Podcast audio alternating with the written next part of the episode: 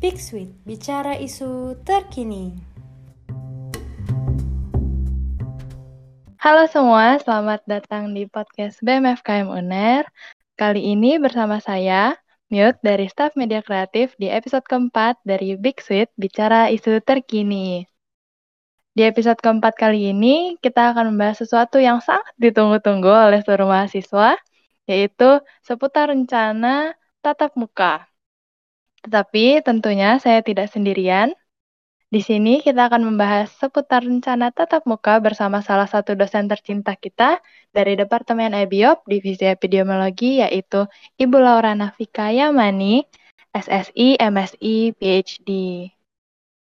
Langsung saja saya sambut. Selamat sore Ibu Laura. Selamat sore semua teman-teman mahasiswa. Sore Ibu. Bagaimana kabarnya Ibu? Alhamdulillah baik, saya baik. Alhamdulillah. Ya. Uh, syukurlah. Um, tanpa berlama-lama lagi, langsung saja kita masuk ke pembahasan karena topik ini sangat ditunggu-tunggu oleh seluruh mahasiswa, Ibu. Sebelumnya saya ingin bertanya, Ibu, uh, bagaimana kesiapan FKM sendiri untuk rencana perkuliahan tatap muka ini, Ibu? Kira-kira sudah berapa persen dan apa saja yang sudah dipersiapkan oleh FKM untuk menunjang perkuliahan tatap muka di masa pandemi ini? Ya, jadi kalau kita melihat ya kasus yang sekarang itu alhamdulillah sudah bisa dikatakan uh, terkendali ya di Indonesia. Bahkan banyak daerah-daerah itu yang memang kasusnya juga sudah sangat menurun gitu ya mungkin ditemukan kasus nol juga ya di beberapa daerah.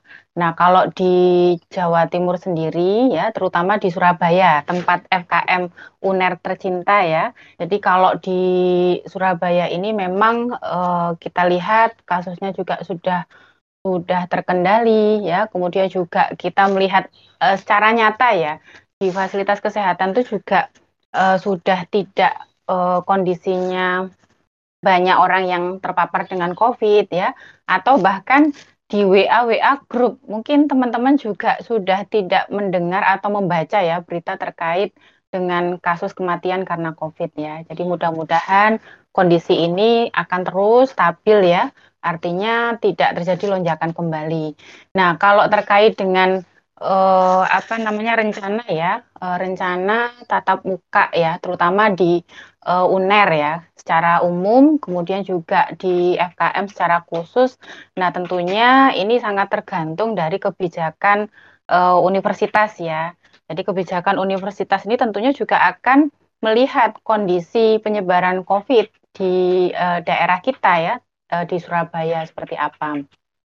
Nah, kalau ditanya persiapannya ya, kalau di fakultas sendiri, ini di tingkat universitas pun juga sudah mempersiapkan ya, sudah jauh-jauh hari, bahkan mungkin sejak uh, tahun lalu ya, karena kita tahu bahwa kasus COVID ini kan uh, dinamis, jadi kadang naik, kadang turun ya, turunnya juga kadang uh, terjun bebas ya, kadang juga naiknya lonjakannya itu cukup uh, apa namanya signifikan. Nah, ini kan yang sebetulnya tidak bisa kita prediksi ya. Tetapi tentunya uh, sejak kemunculan pandemi ini kan uh, hal yang uh, di awal mungkin sulit ya untuk kita semua, tapi kemudian bagaimana kita harus berusaha ya beradaptasi dengan kondisi seperti ini. Nah, tentunya persiapan-persiapan itu sudah dilakukan ya, terutama untuk uh, tatap muka.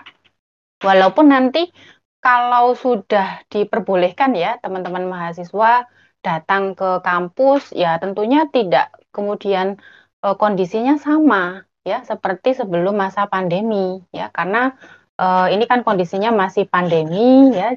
WHO belum mencabut ya status dari pandemi ya. Bagaimana kita kemudian beradaptasi dengan kondisi e, saat ini ya. Tentunya adaptasi ini ya terkait dengan protokol kesehatan Ya, jadi nanti mahasiswa juga harus bisa mulai beradaptasi ya dengan kebiasaan-kebiasaan baru. Ya, protokol kesehatan ini kan bukan sesuatu yang uh, menjadi budaya ya sebelum masa pandemi. Jadi pakai masker, kemudian jaga jarak, ya cuci tangan. Walaupun kita tahu ya itu manfaatnya sangat besar ya, tapi itu mungkin tidak kita lakukan ya secara maksimal uh, sebelum pandemi. Nah, ini ini kondisinya pandemi, kemudian kita mau beraktivitas kembali ya, terutama nanti uh, apa ketika tatap muka ya prokes ini menjadi kunci ya. Nah, kemudian bagaimana kesiapan dari uh, terutama di FKM ya? Ya di FKM ini kalau uh, mungkin beberapa teman-teman mahasiswa itu sudah pernah ya datang ke kampus sudah dipersiapkan. Jadi kelas-kelas yang nantinya didesain uh, model pembelajaran hybrid ya. Jadi hybrid ini kan ada beberapa nanti yang akan datang ya secara offline di dalam kelas, tapi tentunya juga ada yang mengikuti secara online ya karena kita uh, tentunya harus mengedepankan yang namanya prokes. Jadi kapasitas uh, mahasiswa yang uh, melakukan pembelajaran ya di kelas itu tentunya akan dibatasi. Bisa saja nanti 50% di dalam ruangan ya, 50% mengikuti secara online. Nah, ini beberapa kelas sudah dipersiapkan seperti itu modelnya hybrid. Nah, tentu eh, apa namanya juga bukan hal yang mudah ya proses pembelajaran secara hybrid karena akan menggunakan eh, teknologi juga. Kemudian juga eh, dosen pun ya selama ini selama kasusnya bisa dikatakan terkendali ini juga sering melakukan rapat secara hybrid ya. Jadi di beberapa ruangan eh, apa namanya aula pun ya. Jadi ada aula Sabdo Adi itu yang biasanya dipakai untuk kegiatan yang dilakukan secara hybrid ya. Jadi eh, saya rasa FKM siap ya untuk melakukan uh, pembelajaran tatap muka, tetapi tentunya akan melihat ya momentum atau waktu yang tepat kira-kira kapan ya. Mungkin itu sementara, Mbak Mute. Ya, terima kasih Ibu. Uh, lalu kalau semisal uh, sudah diperbolehkan untuk tatap muka oleh universitas ataupun fakultas, kira-kira uh, ya. apa saja yang uh, syarat untuk kita bisa mahasiswa untuk tatap ikut tatap muka Ibu? Apakah ya. harus ada antigen atau yang lain-lain? Seperti itu. Ya, betul. Pertanyaannya sangat bagus, Mbak Mute. Ini penting ya untuk diketahui oleh uh, semua mahasiswa ya, terutama yang akan uh, belajar di FKM ya, uh, termasuk mahasiswa baru ya. Kampusnya itu kayak apa gitu ya, Mbak Mute ya? Mbak Mute ini angkatan berapa? Saya angkatan 20 Ibu, jadi masih penasaran bagaimana FKM. Iya, ya jadi memang ditunggu-tunggu ya, terutama teman-teman yang memang belum pernah datang ke FKM. Ya, jadi uh, ya kita berharap ya, ini beberapa universitas juga uh, apa namanya memberikan wacana akan melakukan memulai ya untuk pembelajaran tatap muka uh, secara hybrid. Ini mungkin akan dilakukan setelah uh, ujian tengah semester ya. Tapi kalau di FKM sendiri ini ya saya kurang pasti ya, tapi nanti kita berharap juga hal yang sama akan dilakukan di FKM. Jadi uh, nah Kemudian kira-kira apa saja yang harus dipersiapkan ya teman-teman yang uh, nantinya akan melakukan pembelajaran hybrid. Nah, kalau yang secara online ya uh, sama ya seperti yang biasa dilakukan uh, saat ini ya. Tapi kalau yang uh, harus datang secara offline, nah ini tentunya uh, yang paling penting ya yang harus diperhatikan mahasiswa adalah kondisi kesehatan ya. Jadi kalau dulu ya kalau dulu mungkin ketika teman-teman mahasiswa itu hanya sekedar sakit flu ya, kemudian batuk atau sakit kepala, demam tidak terlalu tinggi. Nah, ini kan kadang eh, tetap apa diharuskan ya datang ke kampus. Tapi kalau saat ini ya dengan gejala-gejala yang eh, terkait dengan COVID ya tentunya eh, tidak boleh dipaksakan untuk datang ke kampus ya. Jadi harus memberikan informasi. Saya rasa juga nggak se, se apa ya seketat dulu ya. Kalau dulu kan harus ada surat pengantar dari dokter. Tapi kalau sekarang mungkin cukup disampaikan karena muncul gejala yang terkait dengan COVID, ya tentunya uh, tidak harus atau tidak boleh dipaksakan untuk datang ke kampus ya. Kemudian apakah perlu ada pemeriksaan khusus ya seperti ada rapid uh, antigen ya seperti itu.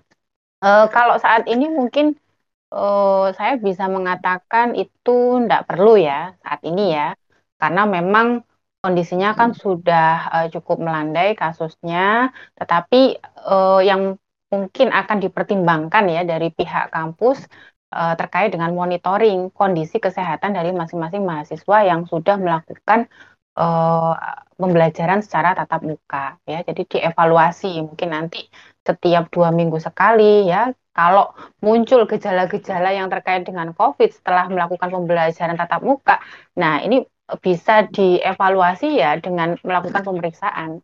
Jadi muncul gejala, kemudian dites ya dengan rapid antigen atau bahkan PCR. Nah, kalau positif, nah ini nanti bagaimana kemudian uh, pembelajaran selanjutnya ya, apakah uh, dilanjutkan atau uh, mungkin ditutup sementara ya seperti itu. Ya, baik. Terima kasih Ibu. Um, lalu kemarin juga kan mahasiswa sempat mendapatkan surat edaran nih Bu. Ya. Uh, mengenai ya tetap muka. Terus mm -mm. Uh, yang paling menarik perhatian dari mahasiswa itu uh, ada tulisan ujian secara offline. Apakah itu hmm. benar, Ibu? Ujian secara offline. Ya. Hmm, itu yang terkait dengan praktikum itu bukan edarannya ya. Jadi pembelajaran tatap muka terbatas ya, pembelajaran tatap muka terbatas. Isinya seperti itu. Jadi bisa saja mungkin ya, mungkin ini tapi saya juga belum pasti surat edaran yang dimaksud. Mungkin eh, kalaupun dilakukan secara offline ya waktunya akan eh, apa namanya lebih panjang ya dibandingkan dengan sebelum eh, masa pandemi yang tidak memperhatikan prokes seperti itu. Jadi ada pembagian uh, waktu ya untuk beberapa mahasiswa yang bisa melakukan ujian di dalam kampus ya secara bertahap ya seperti itu. Kalau untuk praktikum sendiri apakah sudah bisa dilakukan secara offline ya Ibu?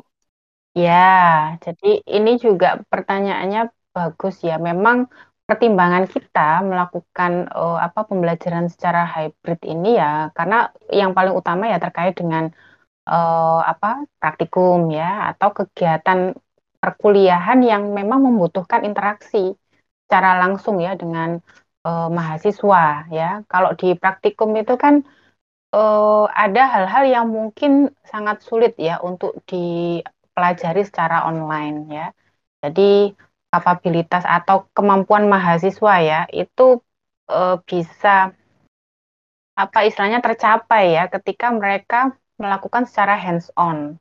Jadi ada beberapa ada beberapa praktikum itu yang memang membutuhkan itu. Jadi hands on dari mahasiswa.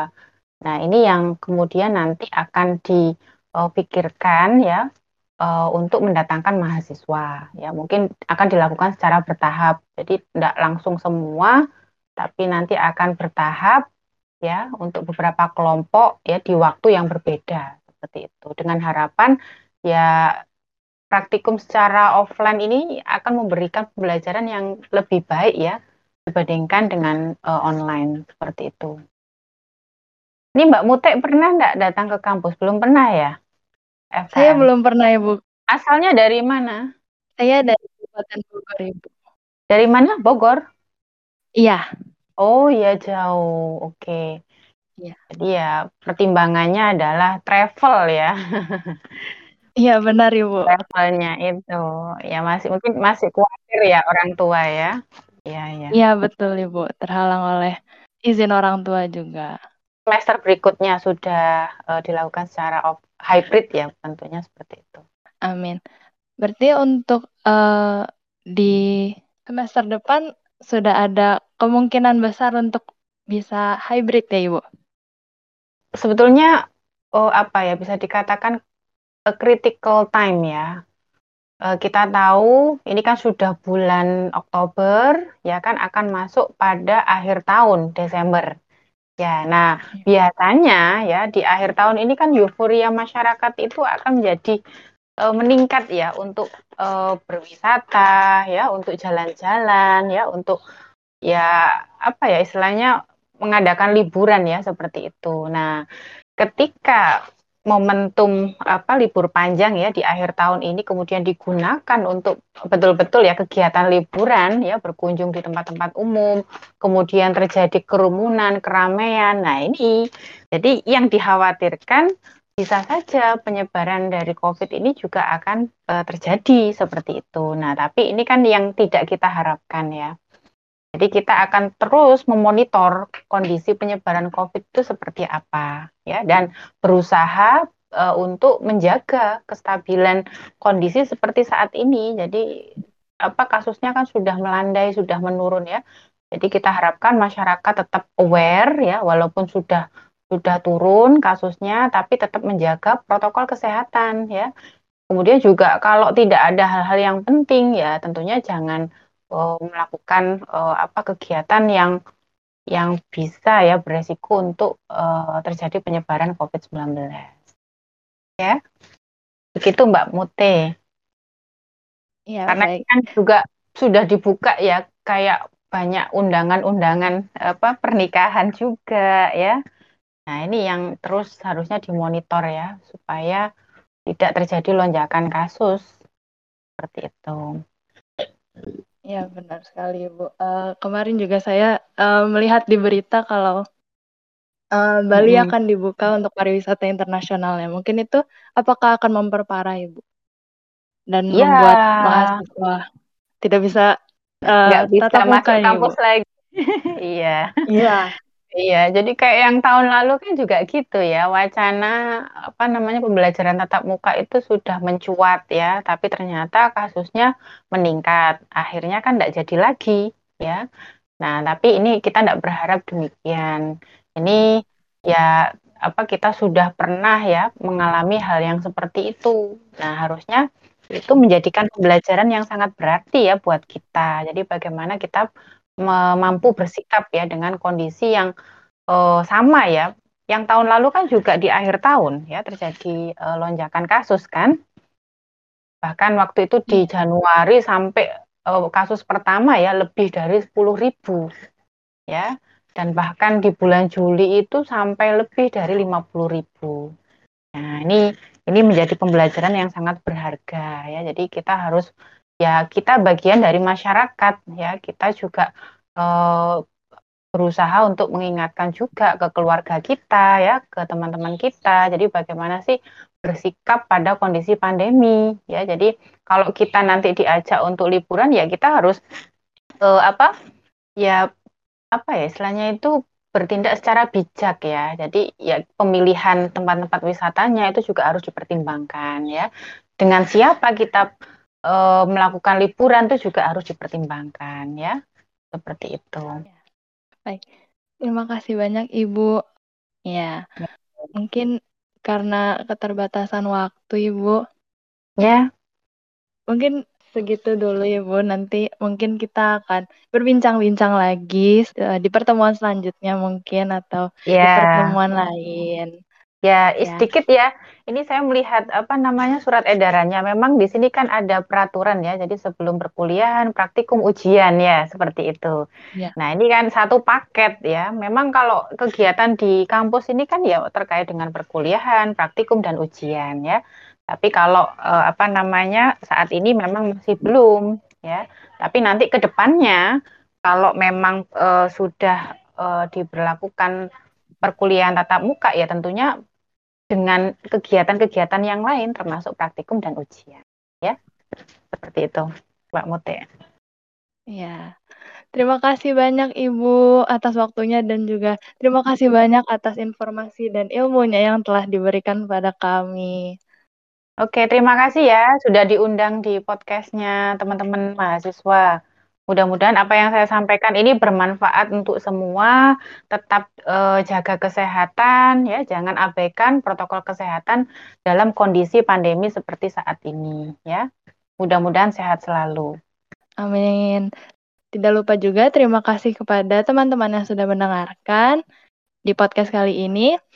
Sampai jumpa di episode selanjutnya.